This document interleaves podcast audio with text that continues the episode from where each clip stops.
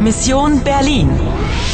Koprodukcija radija Deutsche Welle, Poljski radio i radio France International uz podršku Europske unije. Misija Berlin, 9. novembar 1989. 8.40 uveče. Ostalo ti je još samo 10 minuta da ispuniš misiju i spasiš Njemačku. Imaš futrolu i vrlo si blizu konačnog uspjeha. Sieh mal, Ach, das Etui glänzt ja plötzlich. Igraš li dalje? Igraš li dalje? Iskoristi ovu situaciju i polako se povuci. E, Okay. Paul? Ja, Anna? Sie sind also Paul. Paul. Paul Winkler. Herr Winkler, sind Sie Ostberliner? Westberliner? Ich bin Berliner. Einfach wieder Berliner. Seit heute Abend. Darf ich vorstellen?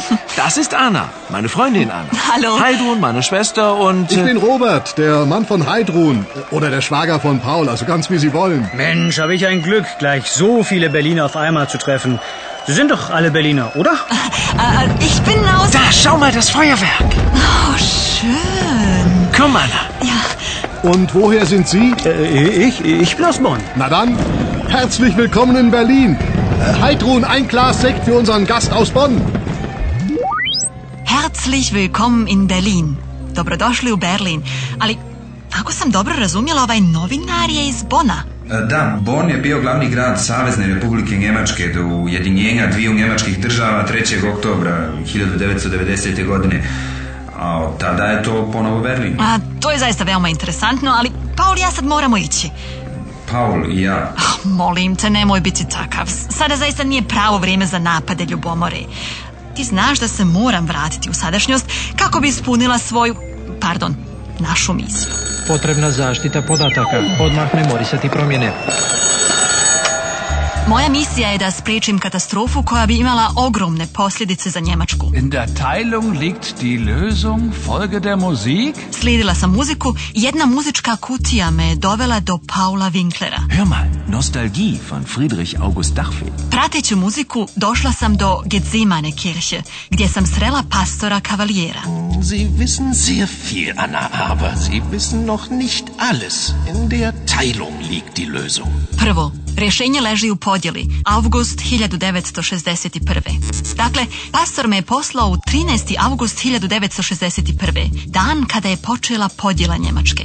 Tamo sam upoznala Paula i Heidrun i pronašla sam futrolu koju je žena u crvenom sakrila u jednom podrumu. Das Etui ist in Sicherheit. Niemand weiß, wo es ist. Außer mir.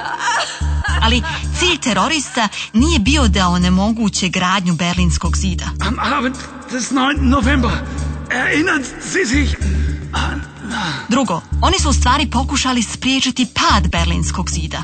Dakle, Paulova ljubav iz 1961. godine pomogla mi je da se vratim u sadašnjost. Die Liebe versetzt Berge. Ali, kada sam se vratila u sadašnjost, otkrila sam da je pastor kidnapovan. Pastor Cavalier ist verschwunden. Die Frau in Rot und ihre Bande, sie haben den Pastor entführt. Uz Paulovu pomoć sam otputovala u 1989. godinu i uzela futrolu. Ein historischer Augenblick. Die Mauer fällt. Berlin ist endlich wieder eine Stadt. Tamo je bio i mladi Paula, žena u crvenom me opet progonila. Sucht sie überall. Ich will sie und zwar lebendig. Habt ihr kapiert? Treće, žena u crvenom je po svaku cijenu htjela doći do futrole. Pronašla sam futrolu tamo gdje sam je sakrila 1961. godine. Četvrto, u futroli je bio jedan stari, zahrđali ključ. Ali zašto je žene u crvenom bio potreban taj stari, zahrđali ključ? Peto, stari ključ je jedno od dva rješenja zagonetke. Drugo, bi morala biti muzika. Backup završen. Dobro urađeno. Ana, požuri, moraš se vratiti u sadašnjost. Još malo pa smo uspjeli. Paul, Was ist, Anna? küss mich Paul. Anna, ich liebe dich. Und die Liebe Die Liebe versetzt Berge. Pažnja. Putovanje počinje.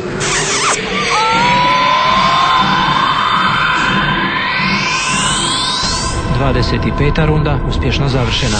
Ostalo ti je još samo 5 minuta. Pripremi se za zadnji nivo. Skoro da si obavio svoj zadatak, ali znaš li šta treba uraditi s ključem? Igraš li dalje? Igraš li dalje? Igraš li dalje?